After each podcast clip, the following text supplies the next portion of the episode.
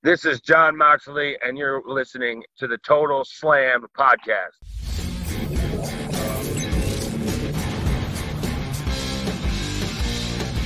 אהלן, אהלן, אהלן, אהלן, אהלן, אהלן, אהלן, אהלן.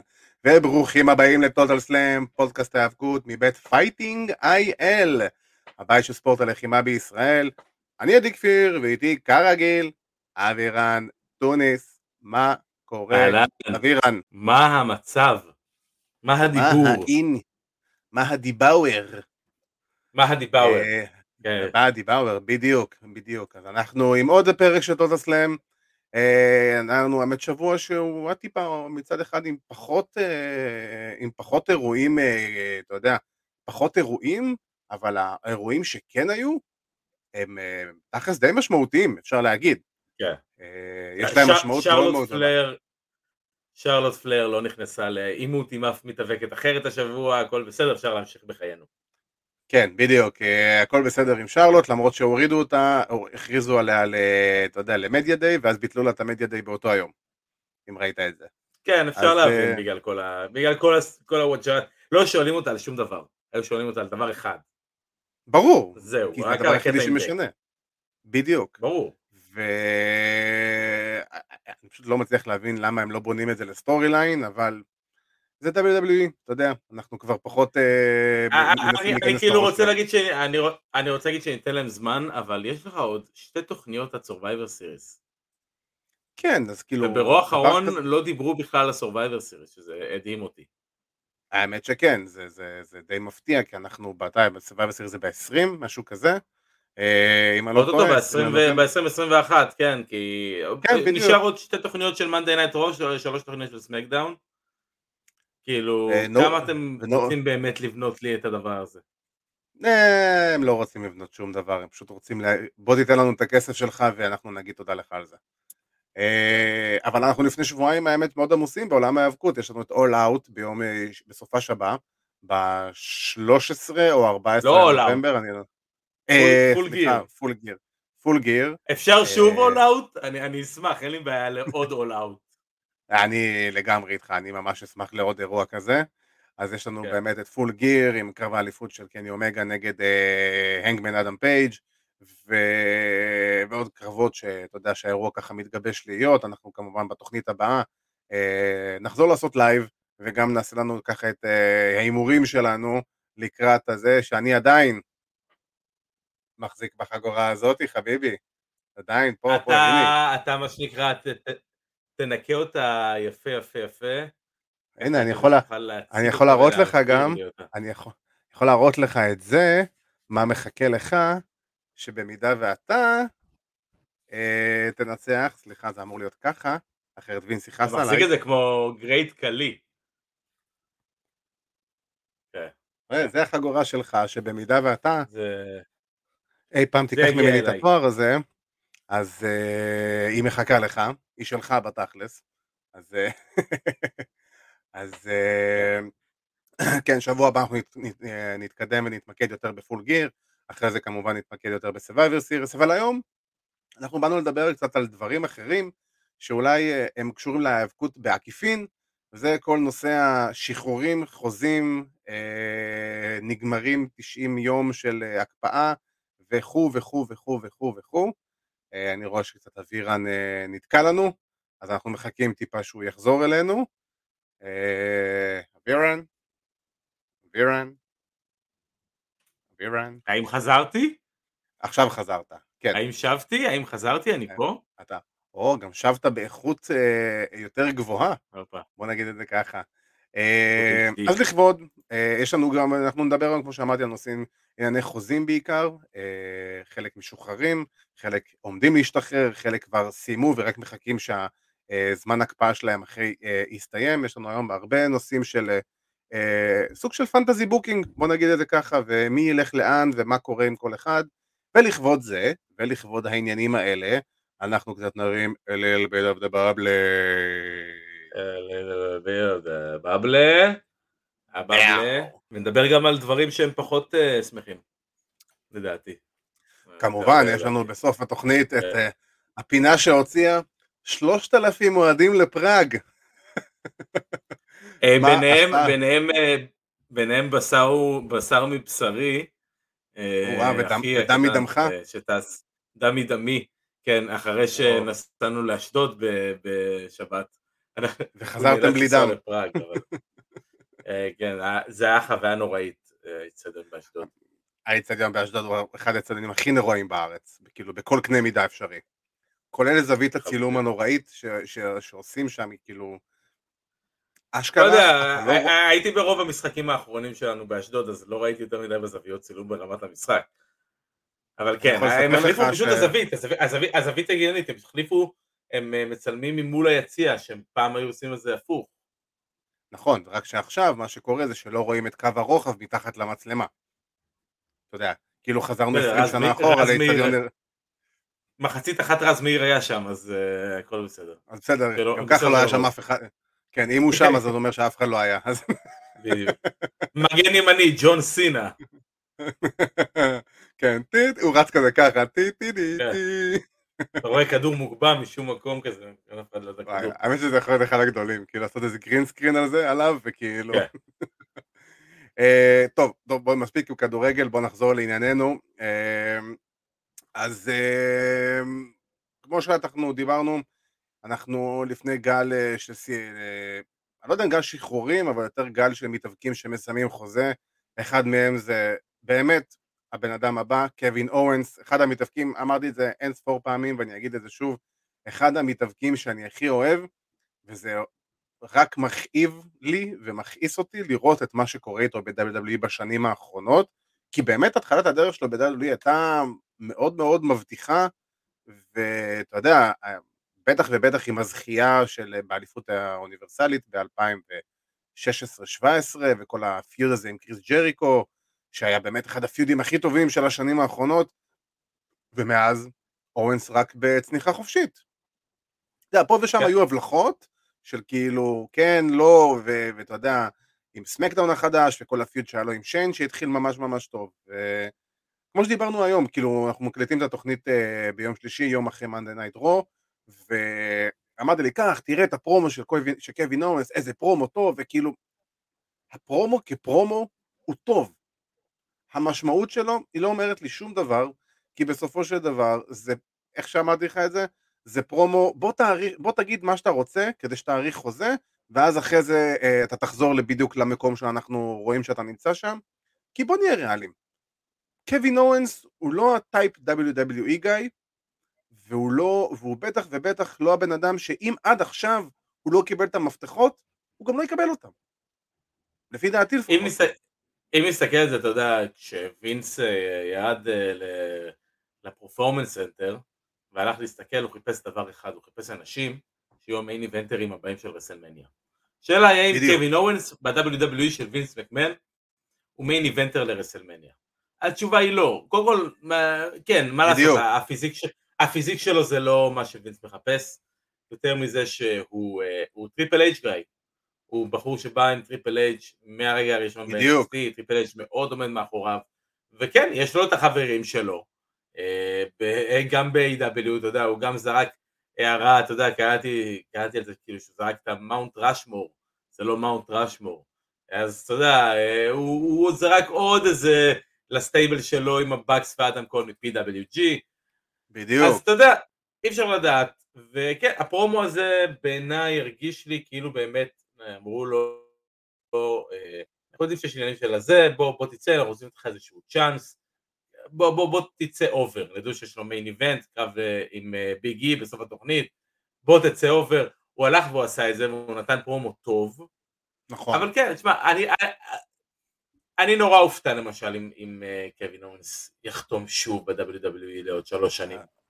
אז בוא נגיד ככה, למי שלא יודע, החוזה של קווין אוונס אמור להסתיים בינואר 2022, שזה פלוס מינוס חודשיים מהיום, מה, לא יודע בדיוק, אתה יודע, את היום המדויק, אבל במהלך... בוא, אה, בוא נלך על חודשיים שלושה.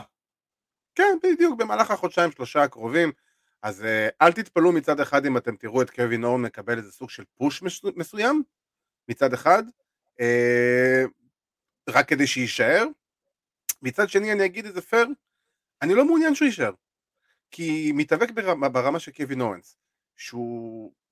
אני לא מדבר עכשיו בקטע של האהדה, אני מדבר עכשיו בקטע, בוא נהיה שנייה מקצועיים ובוא נדבר ריאלית.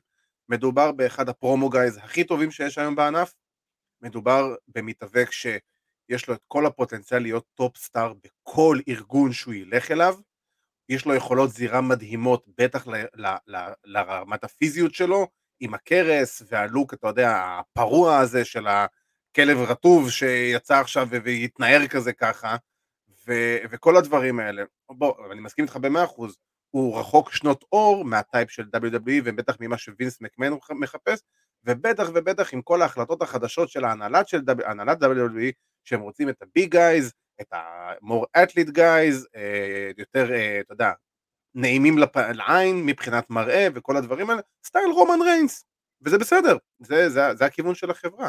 וזה רק מחזק את העובדה שקווין אורנס לא צריך להישאר בחברה הזאת יותר, ובגלל זה גם אני חושב שהוא צריך ללכת באמת בעקבות אחד החברים הכי טובים שלו, שזה אדם קול, שהבין לאן הרוח נושבת, ומנע מעצמו את המבוכה ש...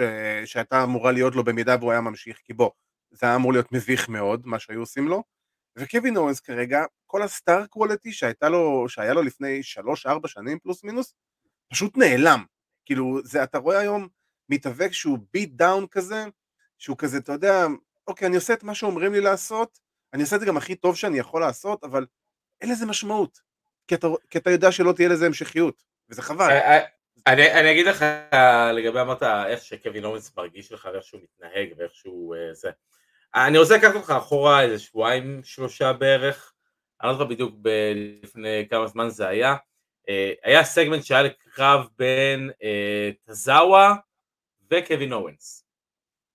כן. ואני זוכר שהיה ביניהם איזשהו דין ודברים, איזשהו איזה משהו מסוים, וקווין אורנס עשה לו את הסטאנר, ובעצם יצא החוצה, לקח את המיקרופון, ופשוט ראית על הפנים שלו, צריך לראות על הפנים שלו את הבעיה שלו, שהוא מסתכל על זה ואומר, מה אני צריך את החרא הזה? כן, למה אני, למה אני עושה את זה בכלל? למה אני פה?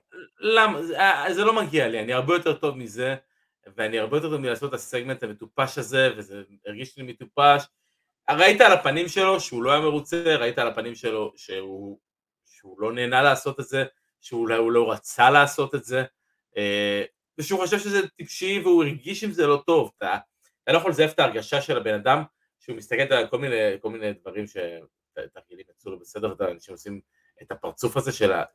כזה, אז, אז, אז כזה זה הרגיש לי, אבל לא כזה מהפחד שמישהו אולי נפצע, אלא כזה מה, מה, מהנשמה, מה, מהגאווה שלך שנפצעה, כי עכשיו עשית איזשהו משהו לא טוב. אתה רואה אותו עובר מסגמנט אה, אה, רנדומלי לחלוטין עם אה, טזאווה, אה, לסיפור עם סט רולינס וביגי אה, על אליפות ה-WWE ופתאום יש לך כל כך הרבה דברים, אתה אומר לעצמך אין מצב שהם לא התחילו עכשיו לדבר על החוזה אם אני קווין אורנס אני חול, חולב את השלושה חודשים האלו חולב אותם עד הסוף ברור.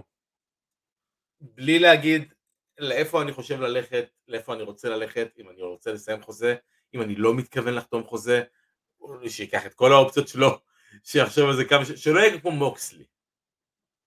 אה, לא, לא, הוא גם לא צריך. שמוקסלי אמר שלושה חודשים לפני, אני לא חותם, ומאותו רגע, אה, אה, שחטו אותו. כן.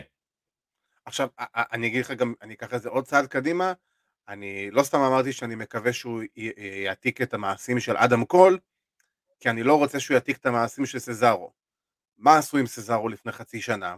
סזארו היה לקראת סוף חוזה, כולנו ידענו את זה, הוא ידע את זה, כולנו יודעים שסזארו זה לא ה-WWE גיא, אין לו, אין לו, הוא, הוא, יש לו תקרת זכוכית שהיא מטורפת, שנקראת מבטא, שווינס לא אוהב, וברגע שזה המצב, ובוא, סזארו זה אולי מתווך זירה, אני, אני אקצין אולי, אבל אני גם אגבה את זה, אולי מתווך זירה הכי טוב שיש היום בענף, או לפחות אחד מהטופ שלוש מבחינת זירה. אני, זה הדעה שלי לפחות, ואני מאמין שיש לא מעט שיסכימו עם הדעה הזאת גם, כי הוא באמת ברמה סופר גבוהה מעל, מעל הרבה אחרים. או, הוא ב top, הוא, הוא נמצא ב... ב top בוודאות. בדיוק, אבל הדיבור שלו זה לא הדיבור ש-WWE מחפשים. ומה הם עשו לו? את השטיק הרגיל של, אה, כמו שהם עשו גם לגאלוס ואנדרסון בזמנו, עם האליפות זוגות, אם אתה זוכר. אה, אתם מסיימים חוזה? אה, בואו, קבלו push, אה, תרוצו על אליפות, הם בזמנו גם זכו באליפות, סזארו היה בפתאום אה, ב storyline עם אה, רומן ריינס ישר אחרי רסלמניה, ופתאום, אתה יודע, כולנו, היה איזה גל כזה, או, סזארו מקבל את מה שמגיע לו, וכל הדברים וואו, האלה וזה. אני, זוכר את התקופה הזאת, זה היה לפני כל כך, זה מרגיש לי לפני כל כך הרבה זמן. וזה, וזה זה, זה חמישה חודשים כולה, זה הכל. זה מדובר וואו. אחרי רסלמניה, זה מאי. זה, ואתה מבין, וכאילו כולנו היינו בהתלהבות, זה היה לי ברור לאן שזה הולך. כאילו כולם היו בהתלהבות, וואו, סזארו וזה, ומתאים לו, ואולי הוא יקבל את ה push וכל הדברים. לא, הוא קיבל צינור, זה היה ברור שהוא הולך להיות מושפל על ידי רומן ריינס, וזה מה שקרה, והוא חזר להיות במקום לא, הטבעי לא- שלו. אני לא מסכים שהוא הושפל. הוא- שהוא- הבנת את הכוונה. הוא- לא, I- I- כן, העניין הוא שלא עשו איתו שום דבר אחרי זה. בדיוק, ושם הייתה הוא השפלה. יצא בסופו מהקרבות עם. רומן ריינס, הרבה- הוא יצא עם הקרבות, הוא יצא עם הקרבות עם- רומן הרבה יותר טוב ממה שהוא נכנס. פשוט. ה-WWE לא עשו שום דבר כדי לקחת את המומנטום הזה שהיה לו, ולהמשיך ולדחוף אותו למעלה. הם פשוט לא עשו איתו. שום דבר. אז- נכון. כן, אבל אתה יודע, לא, כשאנשים אומרים להיות מושפל, אומרים שהוא, אה, אתה יודע, נקבר, הוא הפסיד באיזה סקוואט, לא, לא. משהו כזה. לא, לא, לא, לא, אנשים לא, יותר לא, ממש לוקחים לא. את זה לכיוון הזה. א- אני מבחינתי לא, לא. מושפל, אה, שלא משתמשים בו לטלוויזיה, אה, אבל זה הפעם הראשונה בצורה ראויה לו. אה, אה, אני לא זוכר מתי פעם אחרונה סזארו באופן כללי בטלוויזיה, אבל הפעם הראשונה ששמעתי סזארו, ופתאום אחרי הרבה זמן שלא שמעתי את השם הזה, אתה יודע מתי זה היה? ששמעתי נו. דיווחים שה-WW עכשיו יוצאים לטור בבריטניה, וכחלק מהטור הזה, אחד מהקרבות בהאוס שואוז, זה סזארו נגד וולטר. נכון, עכשיו, נו. קודם כל, shut up, and take my money. ברור. ברור. ו- אז, אז מה, אז אתם כאילו, הוא לא יהיה טוב לטלוויזיה, אבל הוא טוב בשבילכם להאוס שואו, הוא טוב לכם בשביל אה, אה, להיות היריב של וולטר, הוא מספיק טוב בשביל להיות היריב של וולטר, הוא היחידי שיכול להיות אולי היריב של וולטר. למה אתם לא נכון. עושים שום דבר עם הבן אדם הזה? אורנס בסופו של דבר, אור- אורנס בסופו של דבר, אם הוא יחתום ב-WWE, הוא יהיה סזארו 2. הוא כבר ככה עכשיו אני רואה את זה. נכון, בדיוק, כן. זה- זה- זה- זה ההשוואה שבסופו של דבר עשיתי מקודם, שאם הוא חותם על חוזה, ואם הוא מעריך חוזה ב-WWE, לא עשינו בזה כלום. הוא- זה כאילו כן. לקחת צעד אחורה, קדימה, כדי לקחת עשר אחורה. הוא- אולי הוא יבטיח את עצמו כלכלית, ואני לא מזלזל בזה, והכל טוב עם המשפחה וזה, הכל סבבה. אבל אנחנו יודעים שקווין אוונס זה לא מתאבק שהוא אה, בפועל, עזוב את הגימיק של ה prize fighter וכל השטויות האלה, הוא מתאבק כשהוא בא מהנשמה. הוא יותר style אה, AEW באופי וב, ובנשמה שלו, מאשר WWE. הוא לא, הוא, הוא, הוא כאילו, הוא הכי grudge, אתה יודע, grinder שיש, כאילו, שבא מה... בא מה... פילס את דרכו, ועכשיו, אנחנו יודעים ש-WWE היום הם אנטי כוכבי אינדיז, וקווין אורנס מרגיש את זה על בשרו, בטח בחודשים האחרונים, ובמיוחד בשנה, שנתיים האחרונות. אני מוציא את הפיוט שלו עם רומן ריינס שהיה נהדר, אבל זה היה ברור לכולנו שזה לא הולך לשום מקום, וכאילו לא יהיה לזה המשכיות, בוא נקרא לזה ככה, והיום במתאבק שנקרא קווין אורנס, נמצא היום בצומת דרכים שהיא אך ורק תלויה בו, או שהוא הולך למקום חדש, שהוא יכול באמת להיות מההתחלה אחד ה top guys, ולעשות שם בלגן כמו שרק קווין אוונס יודע לעשות, ואני אומר בלגן בקטע טוב, או שהוא נשאר המתאבק, אתה יודע, החבוט וה, וה, וה, והמבואס, ושלא יודע מה הוא עושה, והוא כורה לעצמו בעצם את הקבר, ותשמע, זה מתאבק, בן כמה הוא? 33? פלוס מינוס? לא, אני אגיד לך בדיוק, אבל אני חושב שהאוונס הרבה יותר מבוגר מזה. אה, בוא בוא- בוא נראה 35? שנייה. בוא נגיד. אבל אתה יודע, בסופו של דבר, יש לבן אדם הזה קווין לפחות עוד... אוונס. 37. 37, אוקיי, אז זה אומר שיש לו לפחות עוד 3-4 שנים ב top? לפחות, כן. תראה, אוקיי. אה, בגדול, אתה מסתכל על זה, אני, אני יכול להסתכל על זה בצורה אחת. ה booking ודברים מהסוג הזה, נכון, זה, זה באמת אה, חשוב וזה, אבל אני רוצה להסתכל על זה אולי מההיבט טיפה יותר סוציולוגי, אה, ויותר מההיבט היותר החברתי של, אה, של locker rooms. קווין אוונס התחיל בעולם ההאבקות ב locker roomים ב indies. אה, locker roomים מאוד מסוימים, עם אנשים מסוימים, אנחנו יודעים בדיוק מי אותם אנשים, חלק מהם נמצאים ב top של עולם ההאבקות, גם ב-WWE, גם ב-AEW. אני נכון, חושב שיש פה אה, עניין של איזושהי, אתה יודע, גאוות יחידה, יש איזו אווירה של לוקר רום, שאתה הולך למלחמה עם אותם אנשים שאתה, אה, ש, שאתה נמצא איתם. בשלב מסוים אתה צריך לשאול את עצמך, מי אני הולך למלחמה.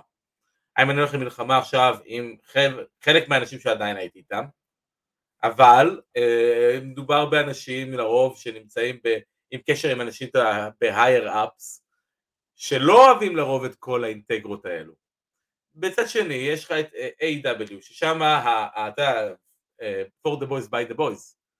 אנחנו מדברים פה בדיוק. על ארגון שהוא מנוהל על פניו על ידי, אתה יודע, הם לא, הם לא, הבנתי שהם לא עושים הרבה, אתה יודע, ברמת ה... הם לא עושים כמעט בכלל, זה נטו ה... כן. כן, זה נטו זה נטו טוני, אבל, ש... אבל, זה, אבל באופן כללי, אתה יודע, הרמה של הלוקרום, ה-AW הרבה יותר מזכיר את PWG מאשר WWE למשל.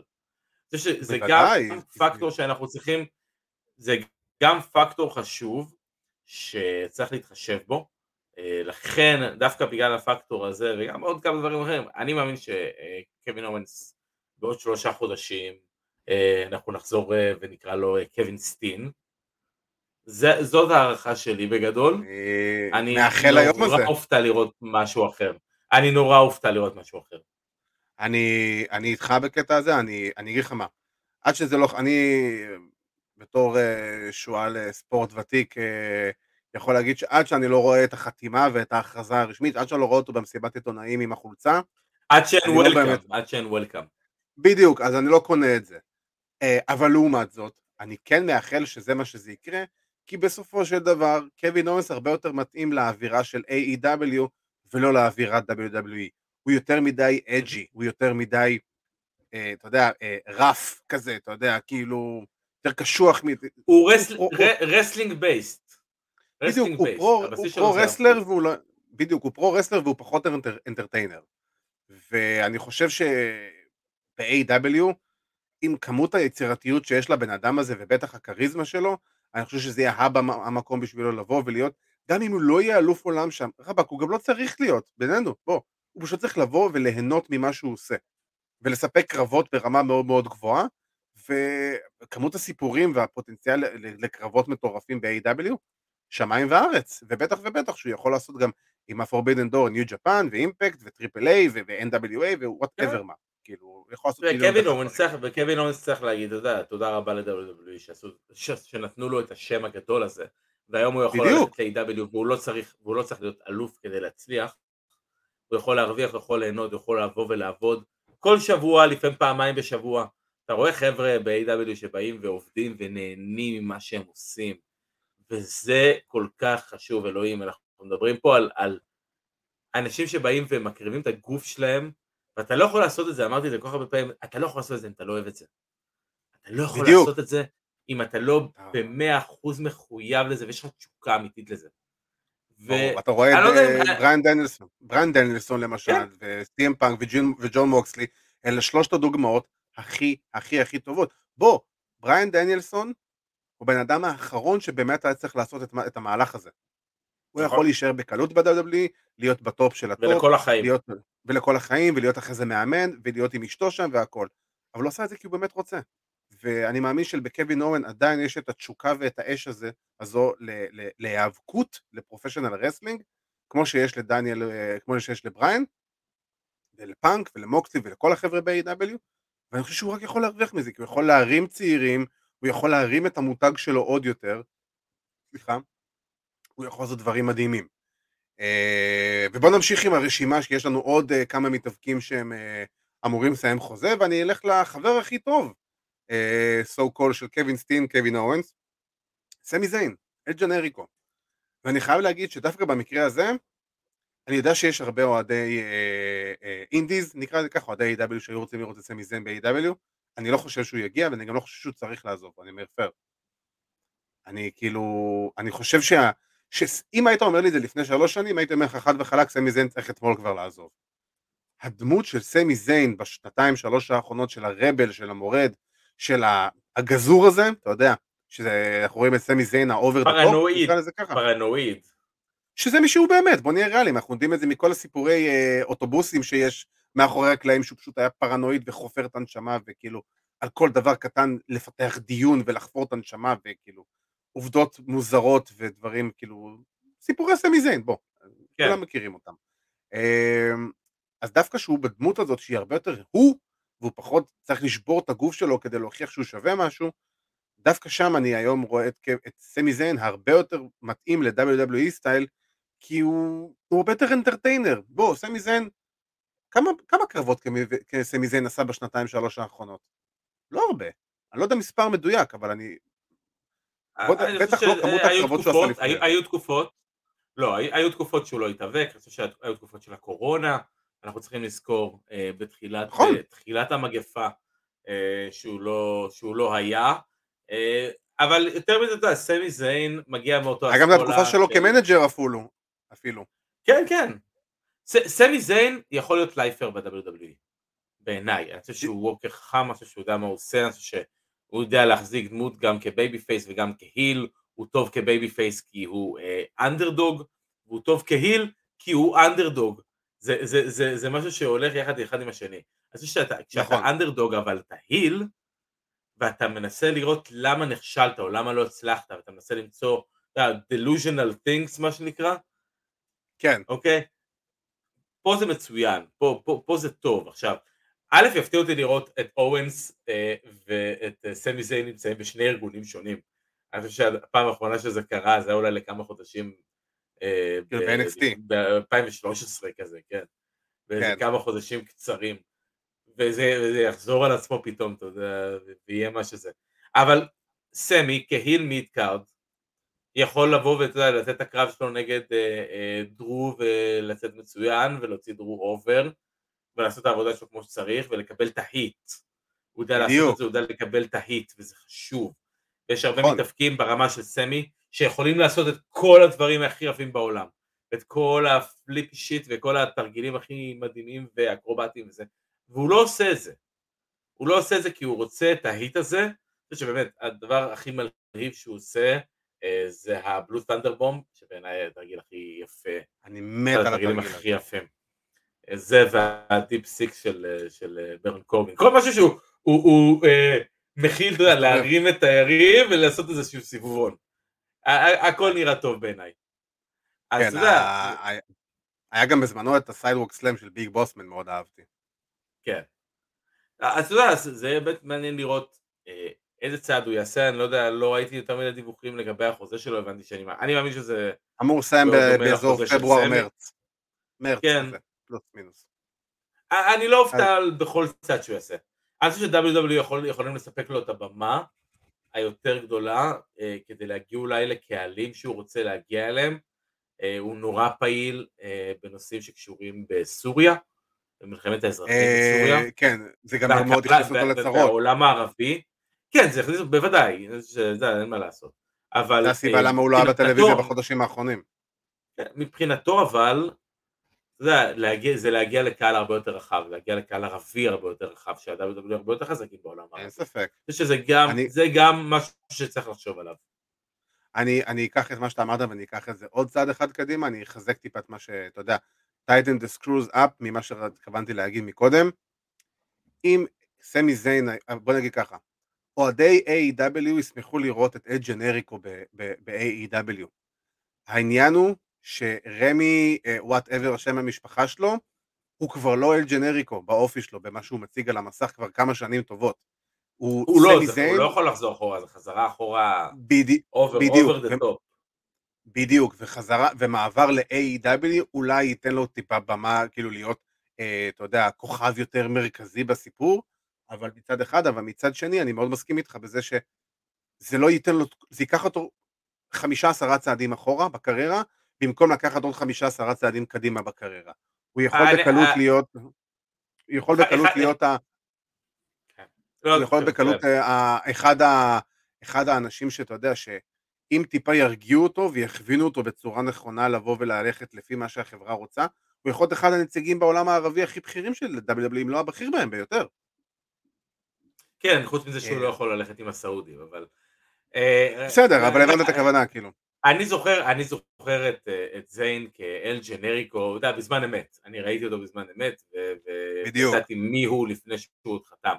וכשהוא חתם, ואני זוכר שפרסמו פעם ראשונה תמונה שלו, בלי המסכה, וראית סמי זיין, והבנת שהוא כבר לא אל ג'נריקו, השאלה הכי גדולה הייתה, האם הוא יוכל להחזיק מיקרופון? האם הוא יוכל לעמוד מול קהל עם מיקרופון ולעשות, ולהיות הוא? והתשובה כן. אתה, היא כן. זה היה אחד החששות הכי גדולים במעבר הזה מאל ג'נריקו לסמי זיין. ככה לקח לו כמה שנים טובות לעשות את זה. שיכול להיות, אבל עדיין, הוא היה מההתחלה, אתה יודע, גם הראו אותו, אני זוכר באפיל שלו עם, עם אה, ססארו, אה, ב-NXT, הוא תמיד היה, תמיד היה לו את הדבר הזה במיקרופון, תמיד היה לו את ההיט הזה במיקרופון, תמיד היה לו, אה, הוא, הוא ידע מה להגיד בשביל שהקהל יקפוץ, ואיך להגיד את זה בטונציה הנכונה, שזה הכי חשוב. אז להחזיר אותו למצב של אל ג'נריקו, שאתה מחזיר אותו לדמות, ולוקח לו את היכולת מיקרופון שלו, יש פה הורדה מאוד מאוד מאוד גדולה בדרגה בעיניי, בין מה. שסמי זיין או, או רמי whatever יכול לתת לעולם ההאבקות, לבין מה שאתה יודע, אולי אנשים מסוימים רוצים שהוא יעשה. בדיוק, אני חושב שפה אה, הקהל מאוד ירצה שזה, אנחנו נקבל את הסמי זיין של פעם, אתה יודע, המתאבק שבא ומתאבד בזירה, וכאילו היכולות מיקרופון שלו פחות רלוונטיות, וזה פשוט לא המתאבק הזה היום. הוא, הוא, הוא עבר טרנספורמציה מאוד מאוד גדולה, גם, מ, גם מסמי זיין של NXT, אם אנחנו זוכרים, השנה הראשונה שלו ב main roster, או השנה שנתיים הראשונות, היו נוראיות, היו זוועה. הוא היה, כן, הוא היה babyface והוא הוציא כל מיני קרבות. אה, והוא לא נדחק, אתה יודע, נדחק כן. לקצה של הקצה, כאילו, הדבר הכי טוב שהוא אה, עשה היה עד שבועיים של שמגיע מדי TNT. פעם עם אוונס. בדיוק, הוא היה פשוט החבר הזה של קווין אוונס. זה מה שהוא היה. ואז פתאום הוא, במידה מסוימת אני יכול להגיד, התעלה על קווין אוונס מבחינת הדמות, מבחינת היכולות, מבחינת ה- ה- ה- המעמד, כי הוא באמת בתור אה, צובר היט, קיבל הרבה יותר זמן מסך, כי אנחנו זוכרים את כל הקטעים שלו שהוא, אה, שהוא פתאום עשה את ההילטרן הזה, ובוא, הוא הבן אדם היחידי אי פעם שאמר A.W. בתוכנית של WWE. אז אה, כן.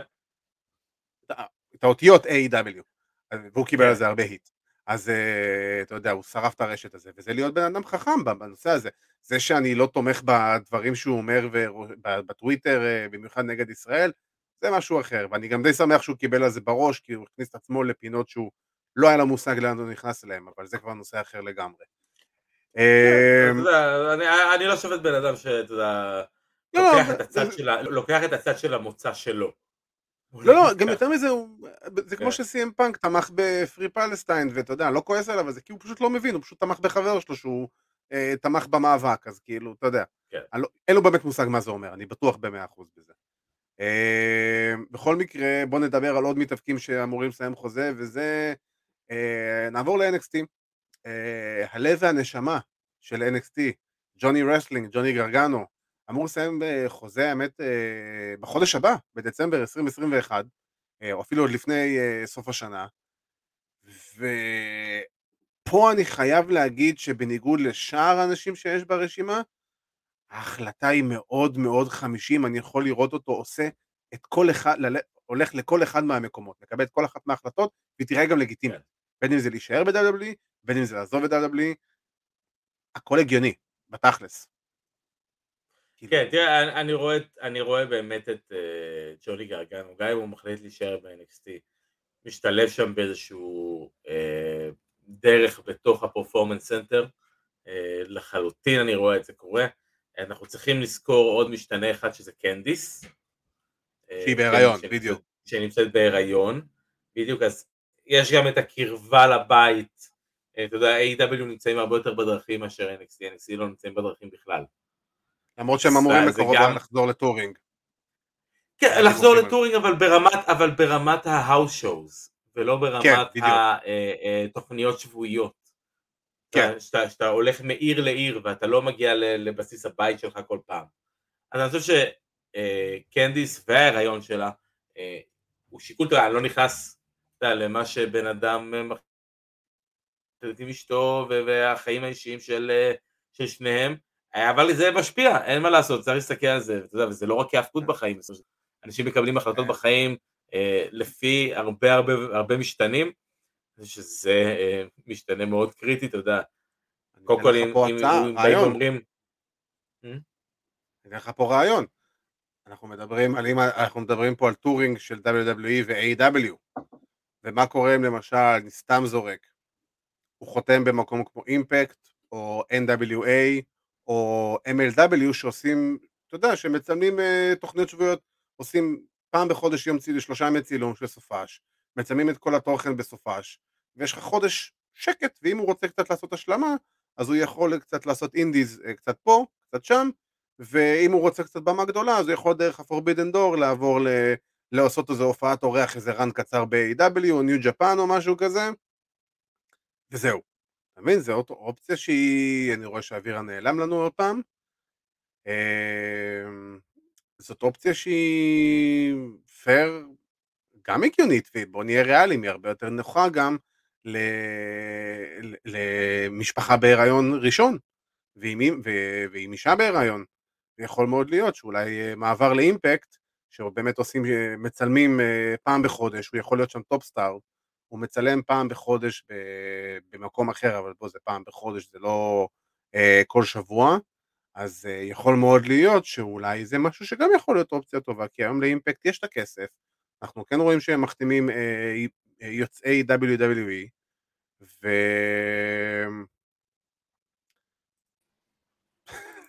אתה נתקעת לנו עם ה...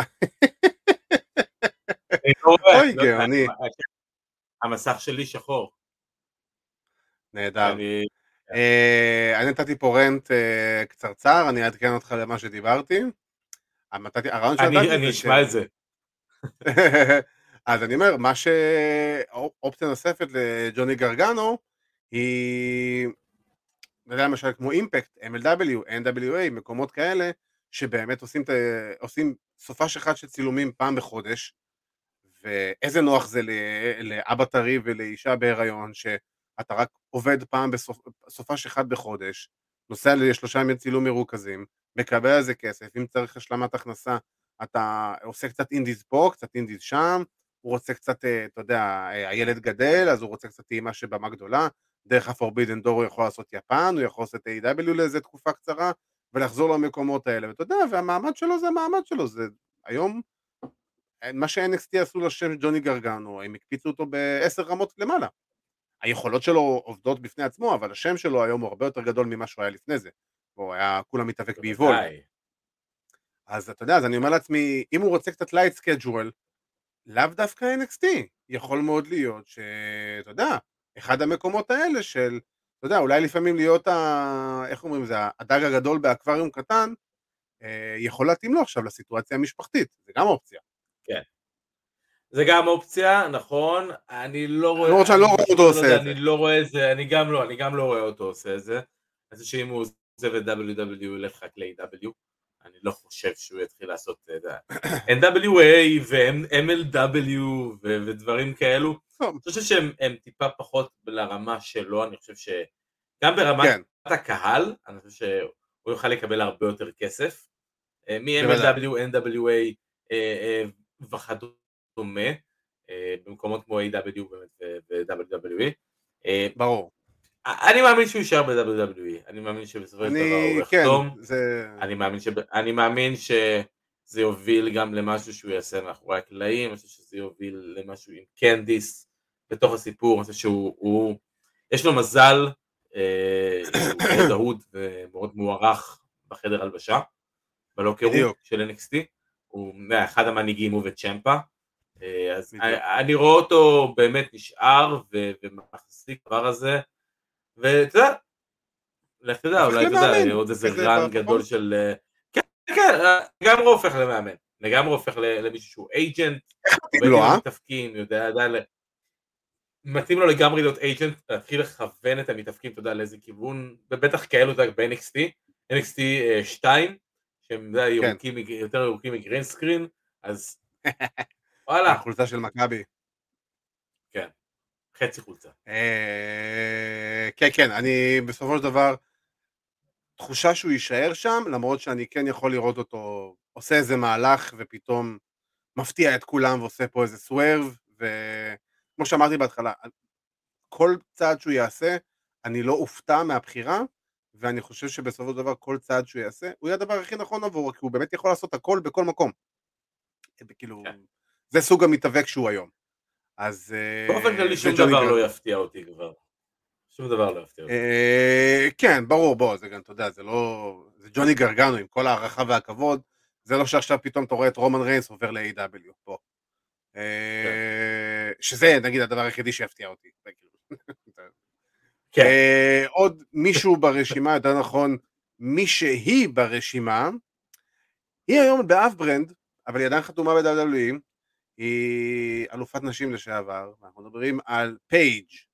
אה, פייג' שאנחנו יודעים שלפני כמה שנים פרשה בגלל אה, פציעות כאלה ושונות ואחרות בצוואר, היא עדיין חתומה תחת WWE, אנחנו זוכרים אותה גם כמנג'רית של סוניה דוויל ומנדי רוז, אבל לאחרונה היא עושה קולות של, או יותר נכון סימנים של אפשרות לחזרה לזירה, ואולי אנחנו נקבל עוד איזה קאמבק, קאמבקון, בוא נקרא לזה במסכת הקאמבקים בשנה האחרונה, וצריך לזכור שזאת בסך הכל מישהי שהיא באזור הגיל 30, כאילו פייג' הגיע לטופ בגיל מאוד כן. מאוד מאוד צעיר, יש לה לפחות, אם עכשיו היא חוזרת, ואני אומר אם מאוד גדול, היא יכולה לרוץ בכיף חמש, עשר שנים קדימה, אה, עם, עם schedule נכון, עם טיפול נכון, עם עבודה נכונה, היא יכולה לעשות את זה. אני, ואתה שואל אותי, היא לא צריכה לעשות את זה ב-WWE, כי WWE אה, אולי עם מקום מאוד מאוד תומך ומקום שנתן לה את הבמה, אבל אני חושב שבסיטואציה הנוכחית שלה, דווקא WWE זה לא המקום הנכון עבורה. דווקא מקומות אחרים יכולים להיות יותר נכונים עבורה. אה, ואני אגיד לך את האמת, מבין כל האופציות, אני אתן לך אופציה מפתיעה, אימפקט.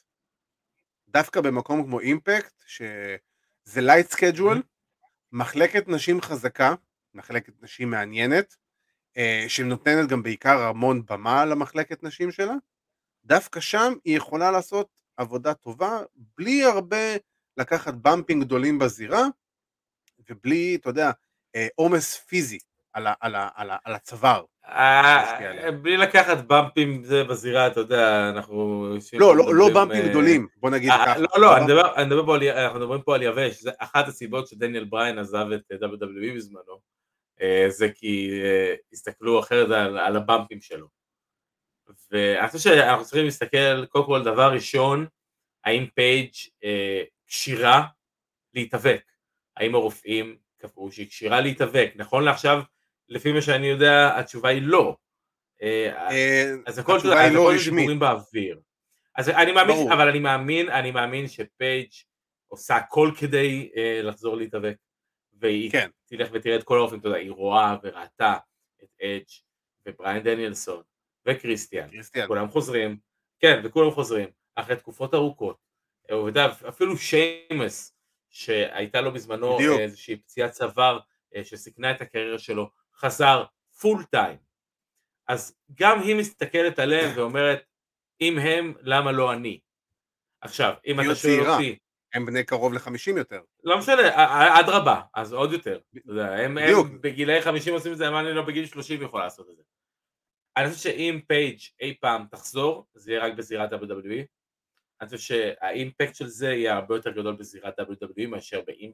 מאשר באימפקט. סליחה על המשחק אה, מילים שיצא, לא, לא בכוונה. ברור.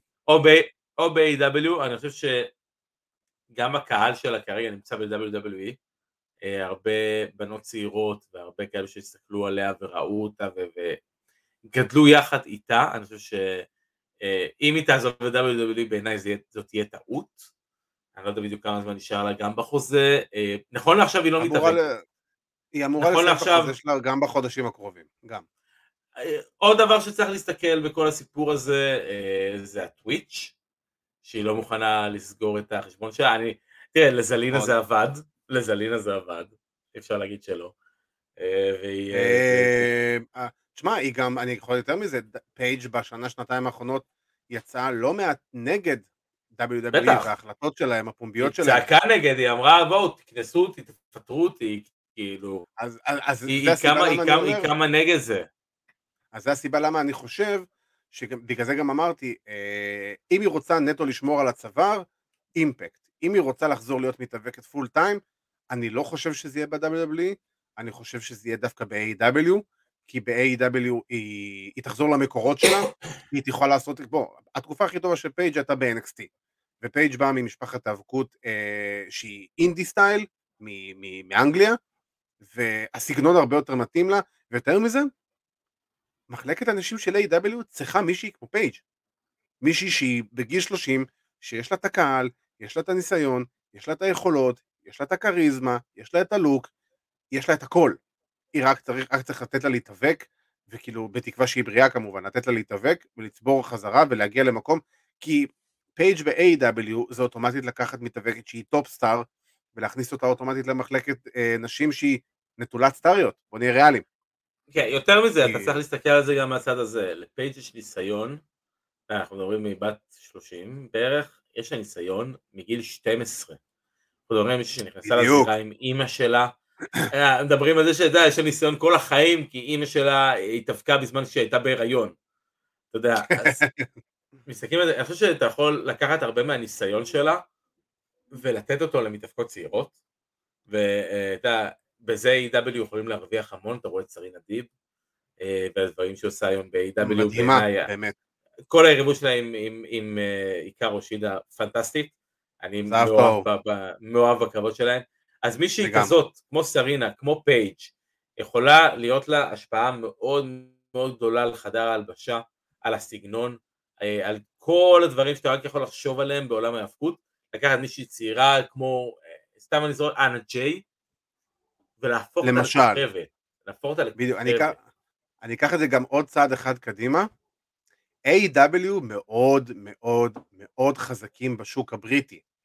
אם אתה מביא מישהי כמו פייג' לשוק, למחלקת נשים של A.W., אתה לוקח את ה, גם ככה את החלק הגבוה מאוד שנקרא A.W. בקהל הבריטי, ומקפיץ אותו בעוד 3-4 רמות. ו, וזה רק, תחשוב מה קורה למשל, אם A.W. עושים אירוע באנגליה, שאנחנו יודעים שזה משהו שהם מאוד רוצים לעשות, וזה משהו שזה יהיה המקום הראשון מחוץ לארה"ב ש-A.W. עשו בהוראה, אה, הופעה, יודע את זה בוודאות מקריס הרינגטון שאמר לי את זה במילים האלה, שזה אחד הסמנ- הסמנכ"ל העסקי של A.W. אז ברגע שזה המצב, תאר לך מה קורה באנגליה אם פתאום לא פייג' אלא סראיה מופיעה לך פתאום כן. ב-AEW באנגליה. האולם עף באוויר, זה main event. כאילו, כן, ברמה כזאת. סראיה- נגד ברית בייקר, אה, לגמרי, אני... אה, בדיוק, אתה מבין? זכייה בתואר, סתם אני אומר, זכייה בתואר אפילו, סתם אני מגזים. תאר לך מה קורה, אנשים אנחנו שם את האולם. הולכים. לא, אנחנו. הולכים רחוק, אני יודע, אנחנו מגזימים יותר מדי בפנטזי בוקינג למישהי שעדיין לא medically cleared, לחזור להתאבק. אה, ברור, אבל אנחנו משחקים את המשחק, הכל בסדר, לא סתם. יש את הדבר הזה פה. אה, אני מתחיל- להתחרט שהצעתי את הרעיון. לא, חביבי. רגע, כי מה יקרה שאתה תהיה אלוף?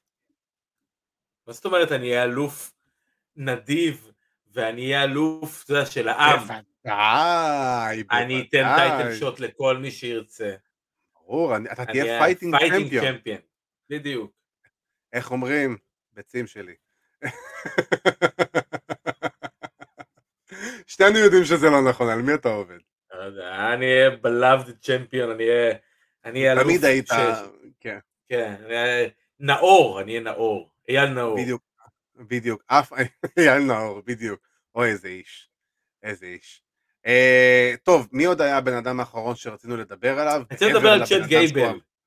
רצינו לדבר על צ'אט גייבל, גייבל. נכון? ואחרי זה יהיה לנו את הסגווי אה, הלאה. יש לנו, אחרי זה יהיה לנו את הבן אדם האחרון.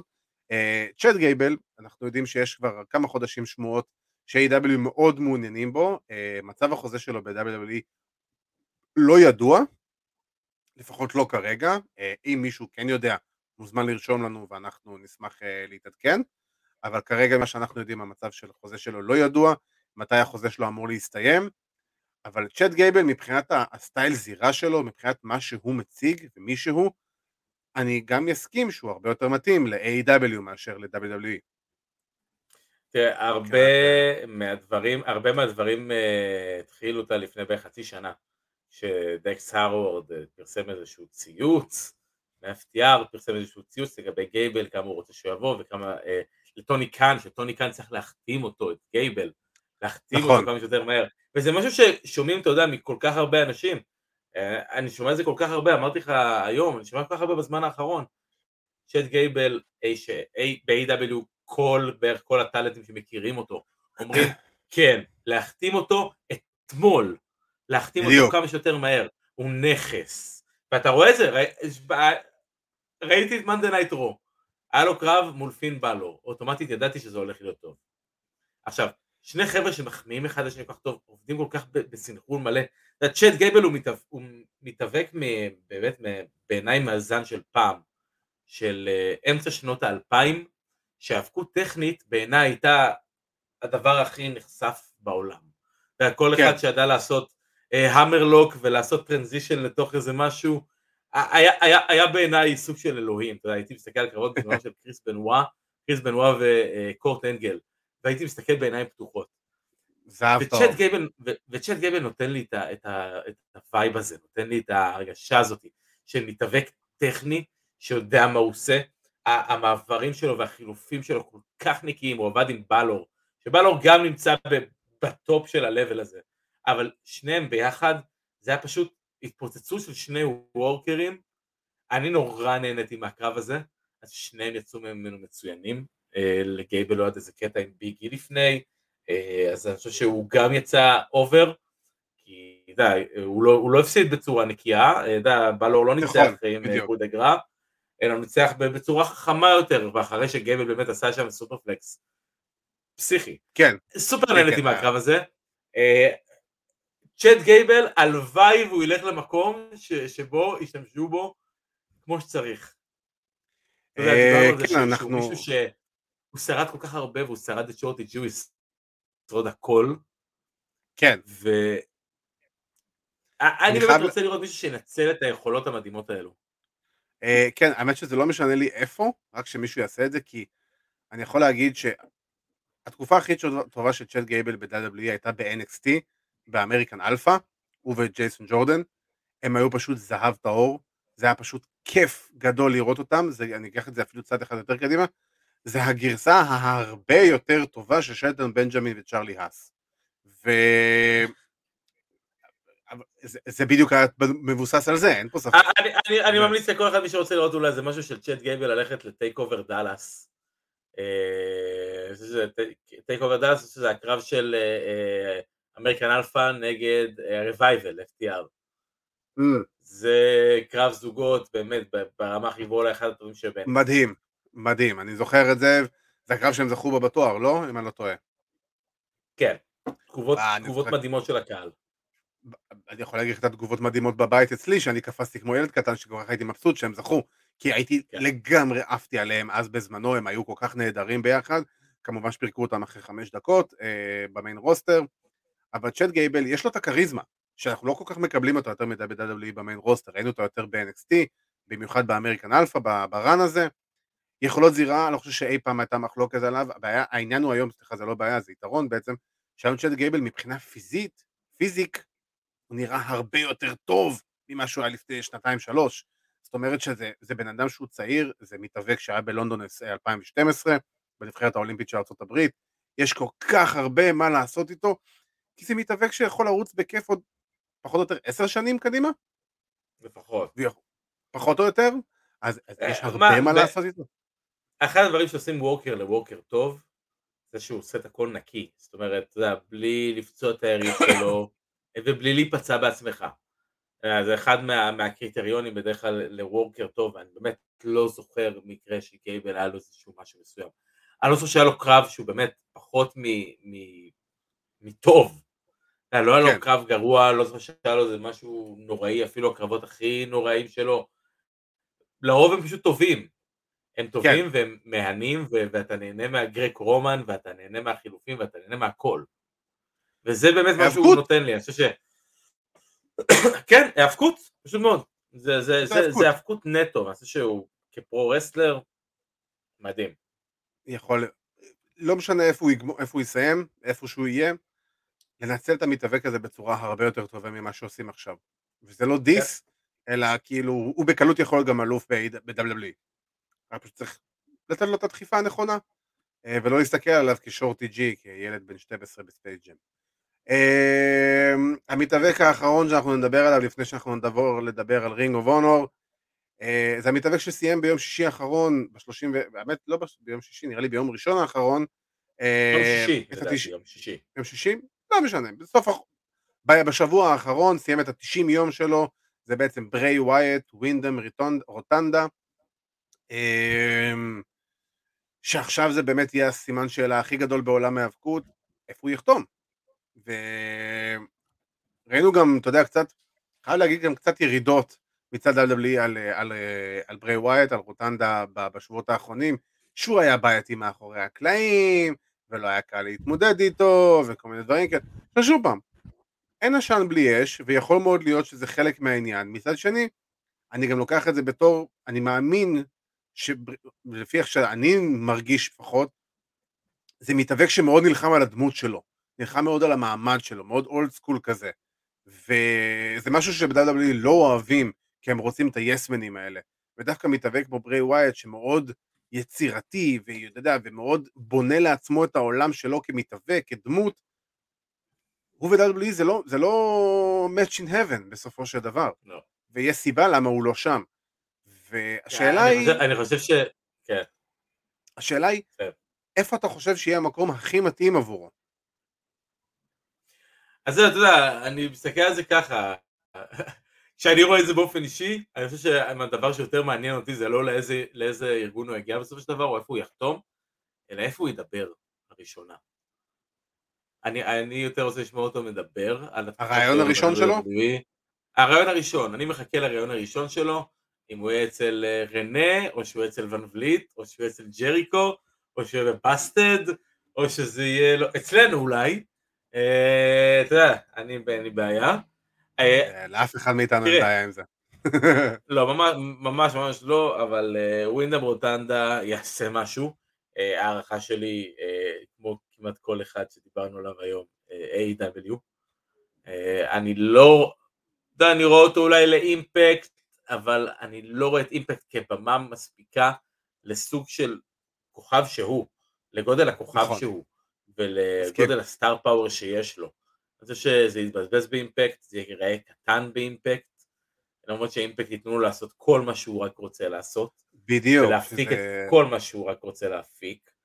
אה, A.W. אבל כן ייתנו לו לעשות את זה, וכן יכניסו אותו בתוך סיפורי האבקות, וייתנו לו את הבמה הזאתי.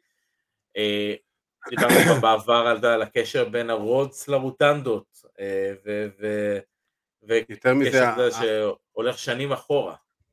אני גם אקח את זה יותר מזה, כאילו, אני אקח את מה שאמרת וירים את זה עוד שלב, אנחנו יודעים ש-A.W. מאוד מכבדים את נושא המשפחתיות בהיאבקות, בעולם ההיאבקות, מאוד מכבדים את זה, ומשפחת רוטנדה, שהשם רוטנדה כרוטנדה לעולם לא נראה לי היה ב-WWE, כרוטנדה, תקן אותי אם אני טועה. היה. היה, היה, לפני שאבא של ברי היה IRS. אבל IRS היה ארווין IRS שייסטר, הוא לא היה, הוא היה רוטנדה? לא, אבל עוד לפני זה הוא היה רוטנדה, כן. אוקיי, סבבה. היה לו ריפקאג', היה לו ריפקאג'. סבבה.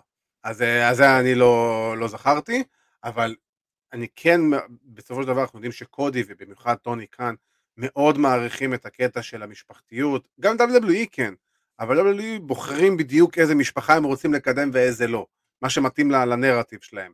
A.W. אם אתה עשית משהו למען עולם ההיאבקות, וולקאם, תבוא. Uh, ואני פה מאמין שבאמת יש פה משהו שהוא יכול ליצור איתו משהו מאוד מאוד יפה, משהו מאוד מאוד מרשים, ואני חושב שבאמת החופש ביטוי ש-A.W. ייתנו לו, ובמיוחד את הבמה שהם יכולים לתת לו, כי היום גם A.W. בוא נהיה ריאליים, צריכים להתאבק כמו ברי ווייט, כמו רינדם רוטנדה. הם צריכים את הדבר הזה. הוא, הוא, הוא מכונת מרצ'נדייז גם. אנחנו צריכים לזכור בדיוק, הוא מכונת מרצ'נדייז, והוא מתאבק ממש ממש טוב. כן. כאילו, ויש לו כריזמה, הוא יודע לדבר. יש לו כריזמה, בדיוק, יש לו כריזמה, הוא יודע לעבוד עם קהל, הוא יודע, הוא יודע מה... יש לו את הניסיון הזה, יש לו את ה... אין מה לעשות, הוא דור שלישי, אני חושב, של, של מתאבקים, ויש לו את כן. ה... אה, אולי יש קשר עמוק יותר עם הרוטנדות והרוץ, אולי הסבא של אה, קודי, אבא של דסטי, הוא היה אינסטלטור של הרוטנדות. אולי זה ככה. אבל אני חושב שזה, הוא, מביא ידע, הוא מביא ידע, הוא מביא ניסיון, הוא מביא יצירתיות וקריאטיביות. אני מאמין שהוא ניצל את שלושת החודשים האלו כדי לבנות לעצמו את כל העולם שהוא רוצה לבנות ולהציג. אנחנו כבר די קיבלנו טעימה קטנה שאנחנו יודעים שהוא רוצה ללכת לפי השם שלו, שזה ווינדם רוטנדה. זה הדבר הראשון. דבר שני שאנחנו יודעים הערכה היא, וזה נטו הערכה, זה לא חתום ולא סגור ולא נעול, שהוא סוג של ייקח את הדמות של הראשונה שלו כבריי ווייט מה run הראשון של ה-Eater of Worlds, המנהיג cult, בוא נגיד, וייצור איזה cult of ווינדאם, שזה משהו שהוא מאוד דחף ברשתות החברתיות שלו בחודשים האחרונים מאז שהוא שוחרר. אני לא אתפלא, ואני אומר את זה בצורה הכי פיירית, אם אתה תראה את בואו דאלס, שזה אח שלו בחיים האמיתיים, אה, מצטרף אליו לכת, ואתה בטח ובטח, אני לא אתפלא, אם אנחנו נראה את אריק רואן, אריק רדבירד, מצטרף גם לדבר הזה, ויוצרים שם איזה סוג של stable מסוים שבריי הוא המוביל, ובואו ואריק רואן הם ה tag team, והם הולכים איתם, ואני סתם זורק הערכה, אבל אני גם כן. לא אתפלא אם הדברים האלה יקרו, כי בואו דאלאס לא שמע ממנו כלום שנה וחצי, ואריק רואן, או רואן, זאת לא תהיה הפעם הראשונה שלו על זירת A.W. נכון, אה, אבל אני פחות רואה את זה קורה, אני חושב שהם יכולים לעשות את דברים, ואם הם רוצים לקחת, אה, אה, לשים טקטים שיהיה תחתיו, או לשים מישהו שיוכל להיבנות, ריק רואן ובואו רוטנדה דאלאס, הם לא האנשים, בוא נגיד, לתפקיד הזה, שאני הייתי, אם היה לי עכשיו ארגון, אם אני A.W, לא, לא, לא הייתי מביא אותה במיוחד כדי להיות ההיטרים של, של, של רות. של ווינדה. מי היית שם?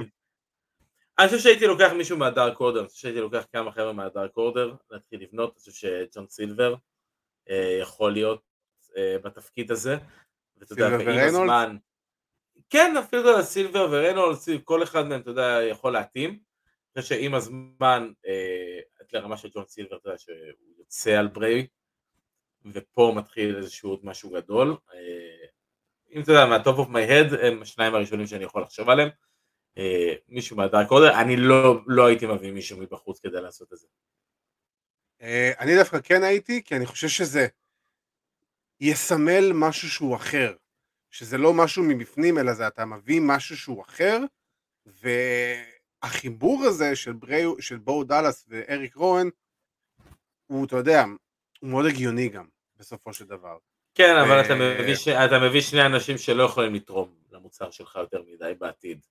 אה, הם יכולים להרים אותו פשוט, זה הכל. ו...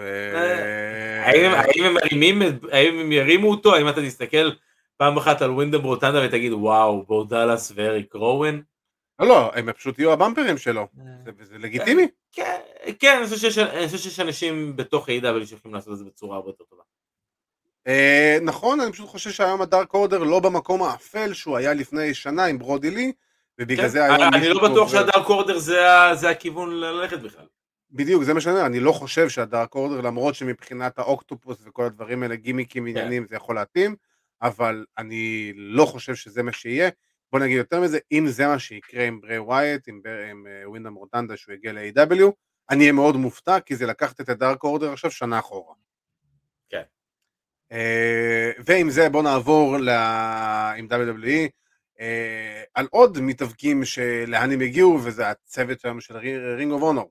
עכשיו Ring of Honor למי שלא יודע זה ארגון שהוציא היום אין ספור אה, מתאבקים, יותר נכון כוכבים בעולם ההיאבקות כיום, בין אם זה ב-WWE, בין אם זה ב-AEW, חלקם דיברנו היום כמו קווין אוונס וסמי זיין, וכמובן סזארו וכן הלאה וכן הלאה.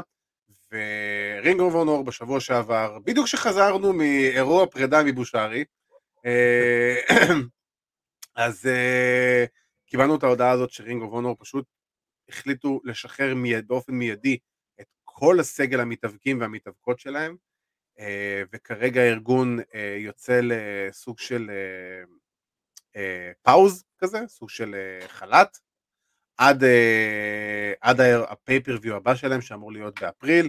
כל מי שמסיים חוזה, כל מי שהחוזה שלו עד סוף השנה יקבל תשלום מלא, מי שהחוזה שלו אמור להמשיך מעבר ל-2022 אה, יקבל תשלום עד מרץ-אפריל, עד ה pay-per-view הבא בערך, ומעבר לזה Ring of Honor פשוט במידה מסוימת הופכים להיות ארגון אינדי אה, עם שם גדול, אבל בלי באמת סגל מתאבקים חתומים. כן. השאלה היא אה, איך זה תפס אותך בתור בן אדם שראה את Ring of Honor בשנים ההם. תראה, צריך להסתכל על זה לכל הכיוונים. אני חושב ש... קודם כל כן, אה, זה יס לי, Ring of Honor היה ארגון שהייתי צופה בו במשך שנים, באמצע שנות האלפיים, באמת, אחד הארגונים ש, שדרכו הכרתי, אתה יודע, יותר את העולם הזה של ההיאבקות. כן.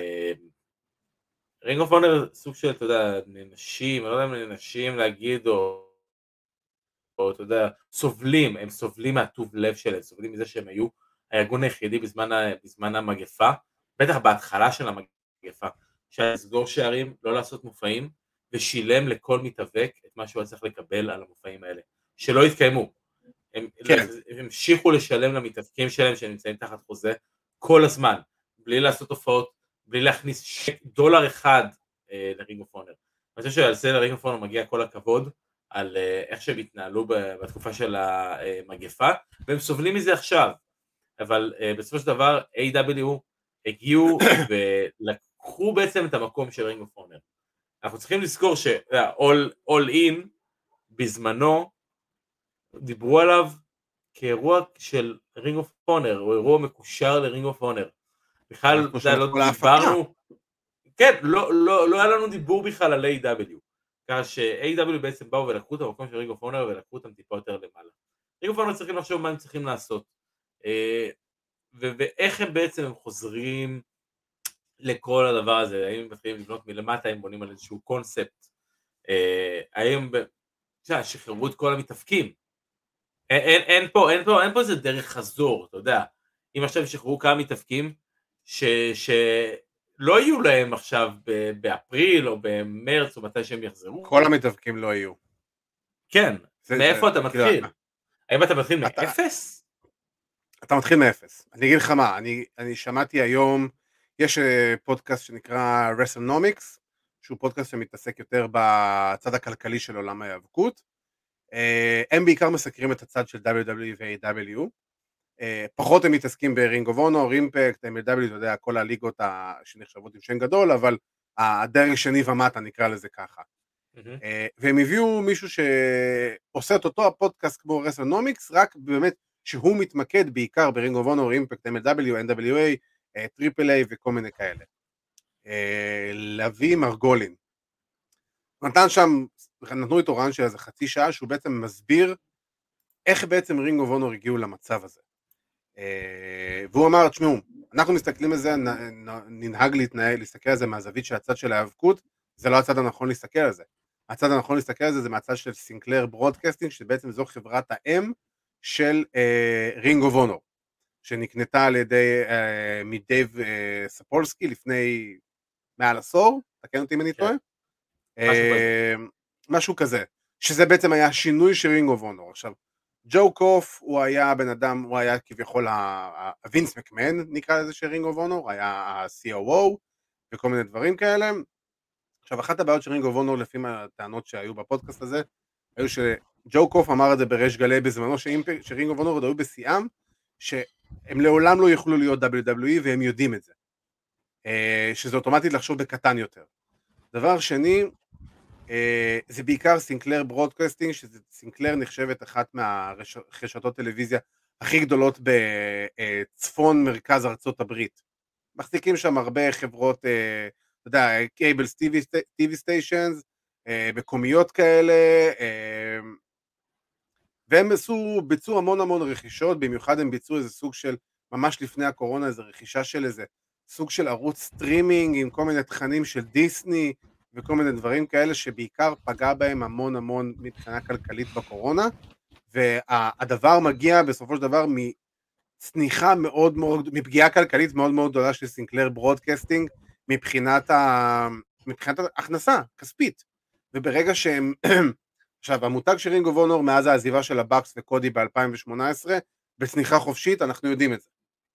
אה, בטח מהקמה של AEW ששם הם נפגעו הכי הכי חזק ושם הם יצאו סופר תמימים שהם חשבו שה Bucks, אומגה וקודי רודס יישארו ב Ring of Honor ויעזרו להם להרים את המותג ולא, הם ילכו למקום שייתן להם לעשות את מה שהם רוצים לעשות ובטח ברמה הכלכלית ו Sinclair אה, הביאו חבר'ה אחרים, הביאו חבר'ה טובים אבל לא כוכבים ברמה של ה Bucks אומגה וקודי שהיו באמת בטופ של הטופ, ו-AEW זה התוצאה של ה run הזה שלהם. ומסתבר גם שקהל הצופים של, של Ring of Honor בשנתיים שלוש האחרונות היה 45 ומעלה. בטלוויזיה, מבחינת המדדים. אתה מבין? אז מה Sinclair בעצם אמרו, מה שהם הסבירו שם? ש Sinclair בעצם חתכו בבשר החי.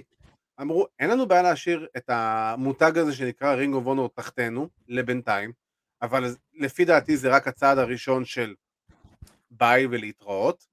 אמ, כי כרגע אנחנו יודעים גם שספריית הוידאו של Ring of Honor מוצעת למכירה למרבה במחיר. ו... וזה הדרך שלהם לפי דעתי לסגור את הפינה האחרונה. מעבר לזה, Ring of Honor תהיה GCW עם שם טיפה יותר מוכר. בוא נגיד במידה מסוימת. פרק, היא תהיה פרק ב Dark Side of the Ring בעוד... אה, כן, שנתיים שלוש, כן, משהו כזה. עונה 19. אה, השאלה היא... כן. אז עכשיו, עכשיו, אז עכשיו, זה פחות או יותר ככה שבאמת ברמה הכלכלית Ring of Honor הגיעו למצב שהם הגיעו כי פשוט התנהלות לא נכונה של ההנהלה, שהובילה באמת את ההנהלה של Sinclair Broadcasting לשים, לסגור את הברז, להגיד להם חבר'ה תודה רבה. עכשיו יותר מזה גם Sinclair Broadcasting תבין עד כמה זה הזוי, הם קנו את הזכויות שידור של אה, WOW Wrestling, ארגון הנשים, שעכשיו אה, אה, מחדש עם איי-ג'יי לי וטסה בלנשרד, ושהבעלים שלה היא בעצם הבעלים של הלוס אנג'לס לייקרס, ו...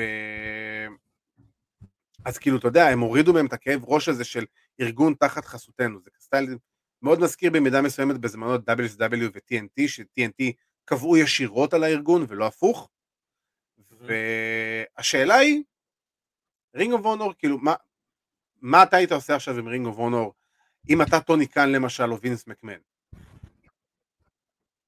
או למשל Impact. לא, אם אני, אם, אני וינס מקמן, אם אני וינס מקמן, אני עושה הכל כדי לקנות את הספרייה. אני חושב שזה תהיה תוספת נהדרת ל Network. אני חושב שמעבר לזה שזה אה, חומרים שאתה יכול להשתמש בהם אה, ב-DVDs על הרבה מהמתאבקים שלך שהיו ב-Ring of Honor. אה, אז אני חושב שדבר ראשון הייתי קונה את ה-library. זה דבר ראשון. מעבר לזה, תראה, השוק כל כך מוצף, עשינו תוכנית שלמה עכשיו, של שעה ומשהו, שבו שלחנו לדעתי לפחות חמישה מתאבקים שאין להם חוזה כיום ב-AW, לחתום על חוזה ב-AW לעשות דייביו. כן. אנחנו לפחות חמישה מתאפקים כאלו לעשות את זה. אז אה, אנחנו נשלח עוד אחד כנראה, אה, או עוד כמה לפחות. עוד כמה, בוודאות. אה, טוני יפתח את ה... טוני יפתח את הצ'קבוק, ויבואו אליהם חבר'ה ויגידו, תקשיב, הבחור הזה פנוי עכשיו, תביא אותו, הטקטים הזה פנוי עכשיו, תביא אותם. וטוני יפתח את הפנקס צ'קים. אתה יכול להגיד ג'יי ליטל והבריסקו, זה בסדר. בסופו של דבר זה מה שיקרה. כן. באופן כללי, אתה יודע, כן, אבל ג'יי ליתל והבריסקו. וג'יי ליתל היה באמת מישהו שהיה נאמן ל-Ring of Honor, וראיתי ראיונות איתו שהוא אומר שהוא נשאר ב-Ring of Honor מתוך בחירה, שהיו לו נכון. אופציות והוא יכול ללכת לכל מקום שהוא רק רצה, הוא נשאר ב-Ring of Honor מתוך בחירה. כן, גם פליפ גורדון למשל זה מתאבק שאני רואה אותו מגיע ל-AEW, כי הקשר שלו מאוד מאוד חזק כן. לבאקס, ו... פליפ גורדון, אני... אנחנו, אה, בוא, בוא נזכר, פליפ גורדון ב-All In, היה אחד הכוכבים של התוכנית, של האירוע אם אני זוכר. בדיוק, הוא גם בחר להישאר. אה, כזה או איזה משהו שם, ש... כן, כן. מה, לא זוכר בדיוק כן, מה היה כן. שם, אבל הוא היה מעורב, כאילו הוא בחר ב-Ring of Honor, כנ"ל מרטי סקרל, כן. דרך אגב. נכון.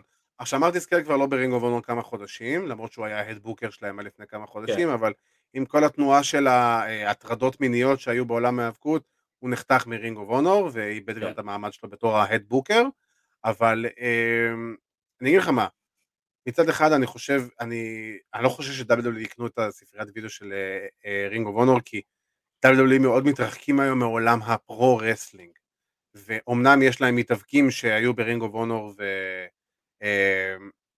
והם עדיין ב-WWE אבל מצד שני הם מאוד מנסים להתרחק מעולם ה-pro wrestling ודווקא במקום כמו AEW כן צריך את, יותר את הספריית וידאו הזאת כי רוב, הרוב, בוא נגיד רוב הכוכבים של AEW היום הם יוצאי Ring of Honor דבר ראשון דבר שני, AEW הדיבור שלהם מאוד מאוד חזק בחודשים האחרונים על ליצור שירות סטרימינג של, אה, של AEW. ואם יש לך את הספרייה של Ring of Honor ויש לך את, ה, את כל הקרבות הראשונים של סי.אם פאנק ודניאל בריין דניאלסון ואתה יודע, כמובן הבאקס, אומגה, קודי רודס וכן הלאה וכן הלאה וכן הלאה, אז אה, ויותר מזה, Ring of Honor מחזיקים בזכויות שידור של All In. זאת אומרת שהאירוע ש-AEW בזכותו קמו להעביר, נמצא אך ורק בספריית וידאו של Ring of Honor, ואם AEW ירצו אי פעם את האירוע מקור שלהם, הם צריכים את הדבר הזה. וזה הדבר הראשון. הדבר שני... אני רוצה לראות את All In בנטוורק. אני לא חושב שזה יקרה. אני לא חושב שאי פעם דבר כזה יקרה. אה, זה, בוא, זה וינס מקמן, ווינס מקמן לא ייתן במה לדבר הזה. אה, זה, הדבר, זה הדעה שלי, אני לא חושב שהוא ייתן. אם הוא יכול, אם הוא יכול להציג את זה כגביע, כמשהו שהוא זכה בו עכשיו, הוא יציג את זה. אבל זה לא מעניין אותו, זה לא 2001. כן. וכאילו, אתה יודע, ואני כן חושב שדווקא מי שהכי מרוויח מזה, בוא נוציא שנייה את AEW מהמשוואה, מי שמרוויח מכל הסיטואציה שנוצרה עכשיו, זה אימפקט, אבל טריפל איי, קצת ניו ג'אפן, אבל יותר בעיקר NWA. כי NWA הרוסטר שלהם הוא בינוני מאוד, ופתאום לקחת לא מעט יוצאי Ring of Honor שיש להם כבר, שהם established wrestlers ויש להם את השם שלהם בעולם ההאבקות, ואתה יכול לבנות סביבם חברה, כי הם באים כבר עם ניסיון ועם אליפויות ועניינים וכל whatever whatever whatever. דווקא NWA יכולים מאוד להרוויח מזה, ולהרים את המותג שנקרא NWA, כי יש לך היום פשוט Ring of Honor פלטו לשוק 15 מתאבקים שיכולים היום בקלות להופיע בכל ארגון. לפחות 15 מתאבקים, ואני לא מדבר על אנשים, ואני לא מדבר על ה-tag teams והעניינים. אז כאילו, וצריך לזכור גם, שזה אתה בוודאות תסכים איתי, שכל NXT בגרסת טריפל אייג' הראשונה, אה, ובטח ובטח זה AEW, לא היה, לא היה קורה אם לא היה את Ring of Honor, שזה בעצם ה, ה, ה, רק מראה על, על המעמד הגדול של Ring of Honor בעשור האחרון בעולם ההיאבקות. אז אה, באמת זה חבל היה לשמוע את הדבר הזה. אתה מדבר על העשור האחרון, אתה מדבר על ה-20 שנה האחרונות. ה-20 שנה האחרונות, בעצם לא, זה לא, זה, מ-2000 אנחנו מדברים מ-2002, אנחנו רואים את כן. ההשפעה של Ring of Honor בכל, בוא נגיד, בוא נגיד משנת 2003, כמעט בכל שבוע היה לך לפחות אחד, מתאבק אחד יוצא Ring of Honor ברוסטר של WWE. לפחות אחד במשך, במשך, עד היום, עד היום אפשר להגיד את זה. לא, נכון, לא חושב שאי פעם היה מצב שלא היה מתאבק, אה, אני מדבר איתך מרמה של פול לונדון ובריאן קנדריק אה, אה, בשנים הראשונות, פול לונדון היה, היה, כן כמובן סי.אם פאנק הוא מהידועים אבל פול לונדון היה באמת בין הראשונים שעשה את זה, קנדריק גם כנ"ל, כל באמת כל מי שהגיעו מהתקופה הזאתי ומהתקופת הזהב של ריקו פונר 2004, 2005, 2006 ג'ו, איי-ג'יי סטיילס, סי.אם פאנק, בריאן דניאלסון, מי לא, כל המי ומי, אתה יודע, 2007, התחלתי לראות חבר'ה כמו סט רולינס, אה, כמו סזארו... קווין סטין. מי לא ולא, מי לא היה שם. החשיבות, בדיוק. בוודאי, החשיבות של ROH בעולם ההאבקות היא אינסטרומנטלית, היא אדירה. בוא נגיד שהסגנון של ROH והסגנון של מה שהם עשו, מה שזה מה שעיצב בעצם את מה שאנחנו קוראים לו היום, סגנון האינדיז האמריקאי. כי כן. הסגנון האמריקאי מחולק לשתיים, יש את הסגנון של WWE ויש את האינדיז, שזה בעיקר אנחנו רואים ב-AW ובכל מיני אינדיז אחרים. הם לקחו את הסגנון של אה, מה שהיה ג'וניור weights אה, של יפן ועשו לו כן. אמריקניזציה. WWE לקחו את אותו דבר והם מאוד הולכים לכיוון הזה גם כן. אה, אז הסגנון האמריקאי מאוד מאוד מושפע היום מאוד מאוד מושפע מרינג אוף אונר ומה שהם עשו בעשר שנה האחרונות. אני מסכים במאה אחוז, ואנחנו באמת רואים את, ה... את ההשפעות האלה בשטח, ב... ב... במיוחד בעשור האחרון, זה התחיל בעשור הראשון של שנות האלפיים, אצל רינג אוף אונר, ואנחנו רואים את זה שזה נפרס לעוד, לפני שאר הארגונים, באמת בעשור האחרון, NXT, AEW, גם קצת אימפקט, mm-hmm. אה, כולם בסופו של דבר, כולם. ובוא נהיה ריאליים כרגע, רינג אוף אונור וניו ג'פן הם הארגון האחרון שהצליח למלא את, המדיסון סקוויר גרדן שהוא לא WWE, שזה גם משהו שתמיד יישאר איתם. ואני הייתי מאוד מאוד מקווה שמעבר לספריית וידאו של רינג אוף אונור, אני הייתי רוצה, שמח לראות, ואני אומר את זה נטו ברמה האישית, לראות או את AEW. או את אימפקט רוכשים את רינג אוף אונור, מאחדים אותם, נותנים להם איזה סוג של את הכבוד שמגיע להם, משאירים אותם בתודעה, כי רינג אוף אונור כארגון אינדי שעושה פעם בחודשיים שלושה ארבעה אירוע, לא שווה כלום לאף אחד. בטח לא עם מתאבקים קבועים, כי זה לא רינג אוף אונור, זה יהיה סתם ארגון אינדי שפשוט השם שלו נקרא רינג אוף אונור.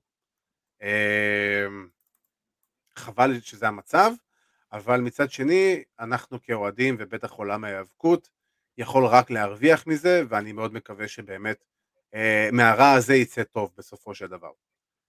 אה, ועם זה, אנחנו ככה מגיעים לסוף של התוכנית שלנו, יש לנו את הפינה שלנו, מה עשה או הרס לנו את השבוע. אה, אבירן, דבר אלינו, מה עשה או הרס לך את השבוע? תראה, התלבטתי ככה מה, מה להגיד היום, אבל זה, זה פשוט יושב לי כל כך הרבה. ו... דיברתי בעבר בפינה על ה finish, על ה finisher של שרלוט פלייר, על ה-Natural Selection, שזה נראה כן. נוראי. אז אני רוצה נכון. לעשות את אותו דבר רק מהצד השני של פלורידה. ג'ון מוקסלי וה Paradigm Shift או ה double underhook DDT נראה נוראי. אה, בשבועות האחרונים הוא עבר לעשות את זה בצורה הרגילה שזה יותר את ה snap, הוא נכנס לזה, בום, נופל אחורה. כן.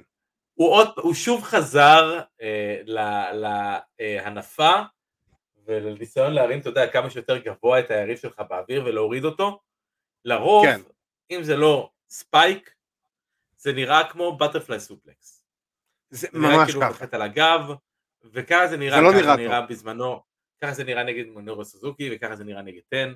אה, אני מבקש, באמת, אני לא מבקש, ממוקסלי אה, אה, להפסיק, זה, זה, זה מציק לי, זה מציק לי, הפין שלו נראה נוראי, וזה חבל, כי בעיניי מוקסלי עכשיו, ב, בימינו, במה שהוא עושה עכשיו, מראה סוף סוף מה זה לונטיק. אתה יודע, תמיד הוא נקרא lunatic fringe או משוגע כזה, היום, היום, אחרי מה שהיה עם 10 בסיבוב הראשון של הטורניר, של AEW, אני סוף סוף מתחיל כן. להאמין שהוא lunatic. ממש ככה. נכון. אני סוף סוף מאמין, אז רק אני מקווה שה finish שלו, אה, או שישתנה, או שהוא יחשוב על משהו אחר, אבל להפסיק עם ה... שפשוט יחזיר אותו להיות כמו שהוא היה פעם.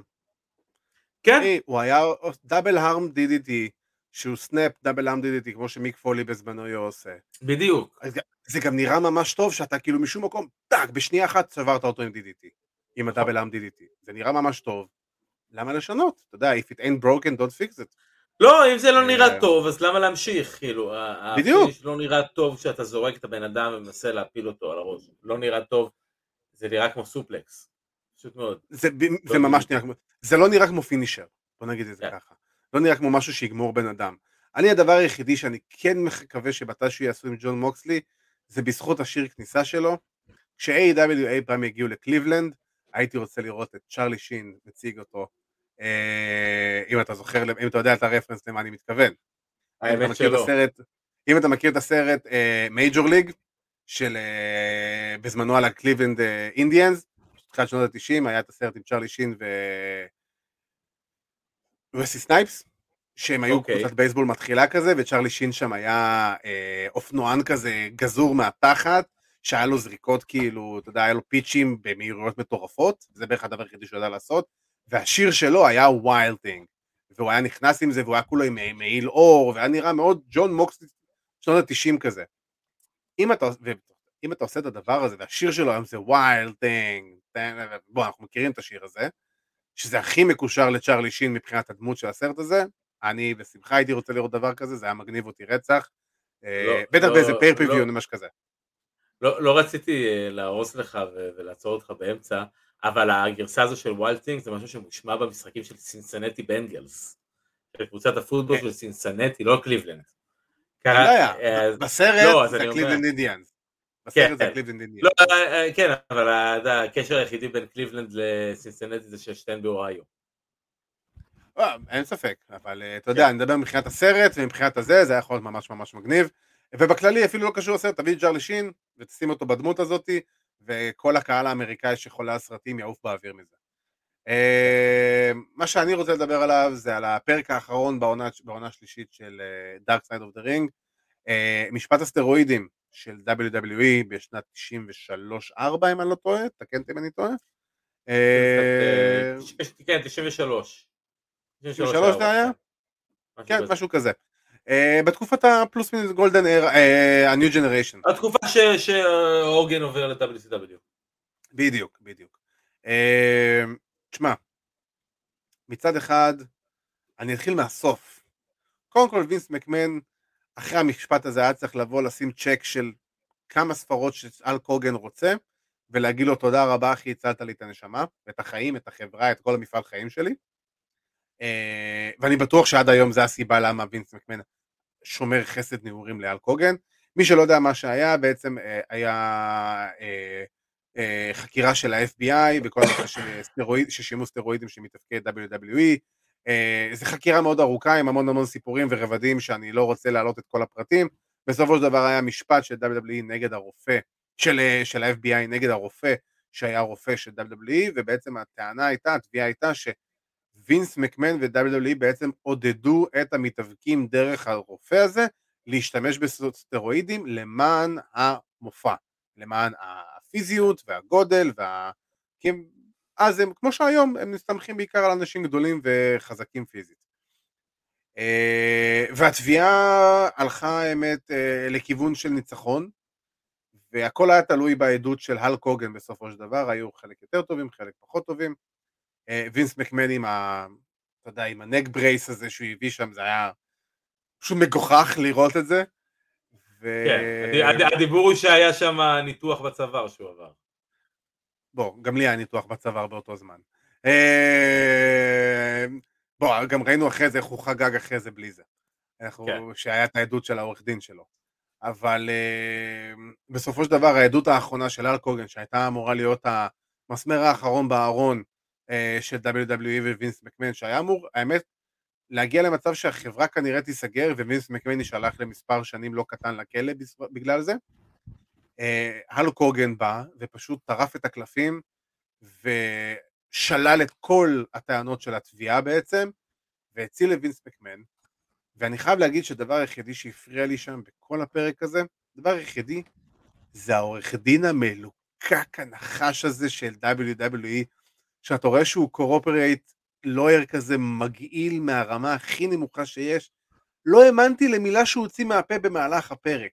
אתה רואה? כן? ואז, כן, כאילו, אתה רואה שהוא נחש, אתה רואה שהוא משקר, אתה רואה שהוא מניאק שרוקד דרך הפינות, רוקד דרך, אה, דרך הטיפות ומחפש את כל הלופים האלה המגעילים שבתוך החוק, שרק למען להוציא את הארגון, את הלקוח שלך צודק, למרות שאתה יודע שהוא לא צודק. אבל אם אתה עכשיו בצרה, אם אתה עכשיו בצרה ויכול להיות עורך דין שלך, אתה לוקח אותו. בוודאי שלוקח אותו, בוודאי, אתה בסופו של דבר, בוודאי. המשפט הזה, המשפט הזה בסופו של דבר היה פיאסקו אחד גדול. אין ספק. אתה יודע, אנחנו מדברים, העדות של הוגן הייתה מאוד, אה, מאוד מרכזית וגדולה ויכלה באמת ליצור צרות לווינס, אבל עוד הרבה לפני הנאום שלו, העדות של הוגן, אנחנו ראינו עדויות של האולטימט וורייר אה, ושל וורלורד, אה, שאין לי שמץ של מושג איך הוא נראה, איך הוא נראה טוב כמו שהוא נראה היום, אבל הבן אדם, בחיים לא הייתי מזהה שזה בן אדם שהתאבק לפני 30 שנה, באמת כן. ככה. אה, כן, אבל כולם באו ואמרו, זה לא שווינס אי פעם בא ואמר לנו, אה, תיקחו סטרואידים כדי שלא תהיה לכם, כדי שתהיה לכם עבודה. או וינס נתן להם את הסטרואידים, או זה. שימוש בסטרואידים היה קיים אצל רוב המתאבקים, כמעט כל המתאבקים האלה, עוד הרבה לפני WWE, וכולם באו ואמרו את זה. הם לא התחילו נכון. לקחת סטרואידים, כל, ה, כל המשפט הזה, ולא לא סתם התובע במשפט סירב להתראיין לדוקו הזה, כי הם כשלו, כי זה הפיאסקו, כי הם ראו כתבה של פיל מוטניק ב, ב, אה, בעיתון, אה, איזה מאמר, והם החליטו ללכת על זה ולתבוע ולחקור בלי שהיה להם כלום בתארץ ביד, לא היה להם שום דבר ביד, שבא ואומר וינס נתן למתאבק א' סטרואידים. וינס אמר למתאבק כן, ואיים עליו שאם אתה לא תיקח אתה מפותח. אם אתה לא תיקח אתה לא תעבוד פה יותר, אתה לא תהיה אלוף, אתה לא תצליח. אף אחד מהם לא הצליח לבוא ולעשות את זה. אז כן, המשפט הזה היה כזה, אתה יודע, סופר פיאסקו. אף אחד לא, אתה יודע, כולם ידעו שבסופו של דבר כולם עושים סטרואידים, כולם באו ואמרו את זה. זה פגע במוני, זה כמו קרב גרוע ב-WWE, שאף אחד לא יוצא עובר. לגמרי. אף אחד, אף אחד לא יוצא ממנו. כולם יצאו פה רעים, והדבר היחידי שאני יכול להגיד שיצא טוב מכל הדבר הזה, זה באמת השינוי הפאזה של וינס מקמן מהמתאבקים הגדולים והפיזיים הגדולים. אה, כן, אבל זה לא כזה עזר, אתה יודע, גם המתאבקים כביכול הקטנים, אני מדבר איתך, ניקח, ניקח ברשימה הזאת, השם הכי שאני, שעולה לי ראשון, אדי גררו. אדי גררו מת בגלל בין היתר שני לא, לא, דברים, שגם אני לא סטרואידים. וגם כאבים. לא, אז אתה יודע, הסוויץ' אני- היה, הסוויץ' בסופו של דבר בא לנו למראית העין, כדי שאנחנו, אתה יודע, לא נסתכל ונראה את הוגן במיין איבנט, נגיד כל הסטרואידים. אבל עדיין היה שימוש של סטרואידים ב-WWE שנים. עד היום, עד, עד, עד היום, בוא נגיד ככה. ברור, ברור, בוא, אנחנו, זה, אם ניקח את זה השוואה מאוד גסה, זה מאוד מזכיר את המקרה עם פאנק מלפני uh, כמה שנים, שהרופאים uh, באו ו... אוקיי, אולי לא דחפו לו סטרואידים, אבל עשו הכל כדי לגרום לו להופיע כל יום, כל יומיים, וכל רוב וכל סמקדאם והכל. אה, זה השיטה של WWE, אנחנו יודעים שזו השיטה הדורסנית. הדבר היחידי שבאתי להגיד זה שכן יצאנו טוב מזה, שבזכות הדבר הזה קיבלנו את השינוי shifting מהאנשים הגדולים למתאבקים הטיפה יותר קטנים, ובזכות זה קיבלנו את ברט הארט ושון מייקלס ב main event, באותם שנים. נכון. ואם זה מה שגרם לזה, אז אה, סבבה, ואחלה, ומגניב. אה, ברור שאין פה, כמו שאמרתי מקודם, אין עשן בלי אש, בטוח שיש דברים בגו, ואנחנו היה. מכירים את שיטות הפעולה. היה, אני בטוח שגם היום יש במידה מסוימת, לא על הסטרואידים, על דברים אחרים, מקרה של פאנק. זה די מהדברים, זה. מהדברים, זה מהדברים שהם שתיקה בהסכמה, כולם יודעים שכולם עושים, בדיוק, זה- זה- זה זה ואף מתאים אחד לא לשני אומר לך הצדדים. לעשות את זה, אבל יודעים שאם לא תעשה את זה, לא, יהיה לך פחות טוב. נכון. והיחידי שהתלונן על זה, זה היה פאנק בזמנו, אני בטוח שעד היום המקרים שפאנק אה, העיד בזמנו פחות או יותר קורים עכשיו, אנחנו פשוט לא שומעים על זה, כי אנשים יודעים שאם הם יגידו על זה, הם יבעטו החוצה. ובסופו של דבר, the show must go on, זה, זה השיטה של WWE. מסכימים, לא מסכימים, זה לא רלוונטי. ככה הם עובדים המון המון שנים, וככה הם גם ימשיכו לעבוד קדימה. אה, עד מתי שהחליטו אחרת, אם בכלל. אה, וכן, אתה יודע, תשמע, אני חייב להגיד שזה היה פרק בסך הכל מאוד מסקרן, מאוד מעניין, אבל כן, זה כן, בעיקר קצת, אתה יודע, חשף עוד כמה שלבים מאחורי הקלעים של אה, WWE ב- בשנים ההם, בוא נגיד ככה, וגם קצת על ימינו. אה, ועם זה אנחנו הגענו לסיום התוכנית שלנו. אה, כמובן אני רוצה להזכיר לכם לעקוב אחרינו ברשתות החברתיות, פייסבוק, אינסטגרם, יוטיוב, ספוטיפיי, אפל פודקאסט, אנחנו שם. מזכיר לכם כמובן שיש לנו את פודקאסט ה-MMA, Takedown עם ארכדי סצ'קובסקי ועידו פריאנטה, UFC בשבוע מטורף, אה, אחרי אירוע UFC 267 שפשוט היה חמישה קרבות שכל קרב היה ברמה הכי גבוהה שיש, אנחנו מקבלים ביום בסופ"ש הקרוב את UFC 268 עם עוד קרבות ברמה הכי גבוהה שיש, והם כמובן סיקרו את כל העולם, את כל מה שקורה בעולם ה-MMA אה, בשבוע הזה. אז אה, הפרק עלה לאוויר, אתם מוזמנים לשמוע אותו ולצפות בו בכל הפלטפורמות שמופיעות כאן אצלנו במסך, אינסטגרם, פייסבוק, יוטיוב, ספוטיפיי, אפל פודקאסט. אה, ואני רוצה להגיד תודה רבה כמובן לאבירן טונס. אה, תודה רבה, עדי כפיר. תודה רבה לך. אה, ושבוע הבא אנחנו לקראת האירוע Full Gear, אנחנו נחזור לשדר בלייב, מכאן והלאה. אז חברים, תודה רבה שהצטרפתם אלינו. אני הייתי עדי כפיר, זה אבירן טוניס, שיהיה לכם המשך שבוע, too sweet. יאללה, זה אווירת של